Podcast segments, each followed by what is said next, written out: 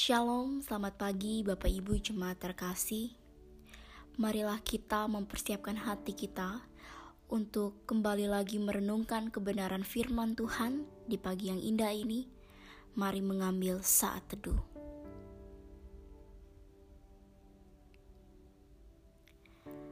Jemaat terkasih, doa bukanlah hanya aktivitas atau rutinitas rohani semata Apabila doa kita hanya kita jadikan ritual, maka kita tidak akan mengalami apa-apa.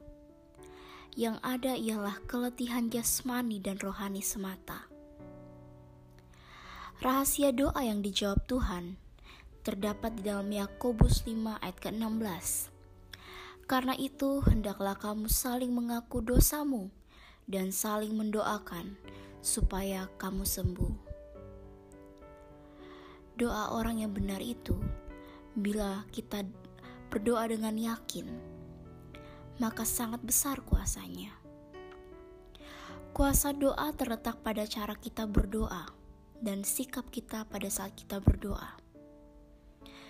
Doa yang kita naikkan itu harus benar, dan tentunya juga orang yang berdoa pun juga harus benar. Doa yang benar itu bukan untuk mencari keuntungan pribadi semata. Sikap kita juga harus benar. Bapak Ibu, ketika murid-murid Tuhan berkumpul untuk berdoa, mereka itu memiliki gairah untuk berjumpa dengan Tuhan.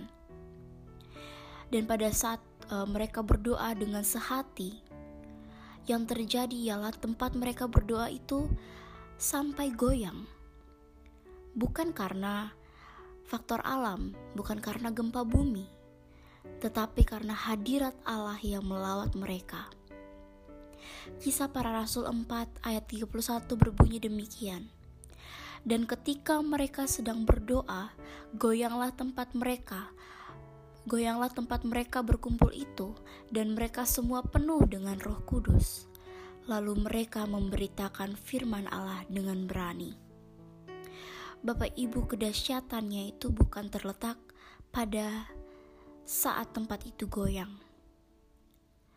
tetapi dampak pada saat mereka berdoa, yaitu mereka semua dipenuhi Roh Kudus dan diberikan roh keberanian untuk memberitakan firman.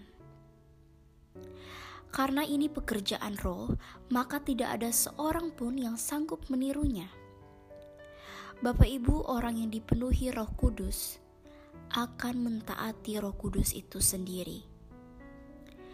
Hidup dalam kekudusan dan tidak lagi mengasihi dosa. Maka mereka juga akan menjunjung tinggi firman Tuhan, dapat memberitakan Injil dengan berani, dan berani melakukan kehendak Allah. Mari kita merenungkan kebenaran firman ini. Dan sudahkah doa kita ini memberi dampak bagi sekeliling kita, terlebih-lebih memberi dampak bagi diri kita sendiri dan di dalam keluarga kita. Doa adalah komunikasi yang hidup dan terarah antar manusia dengan Penciptanya, ialah Tuhan kita yang kita sembah. Amin. Kiranya perenungan firman pada hari ini boleh memberkati kita semua.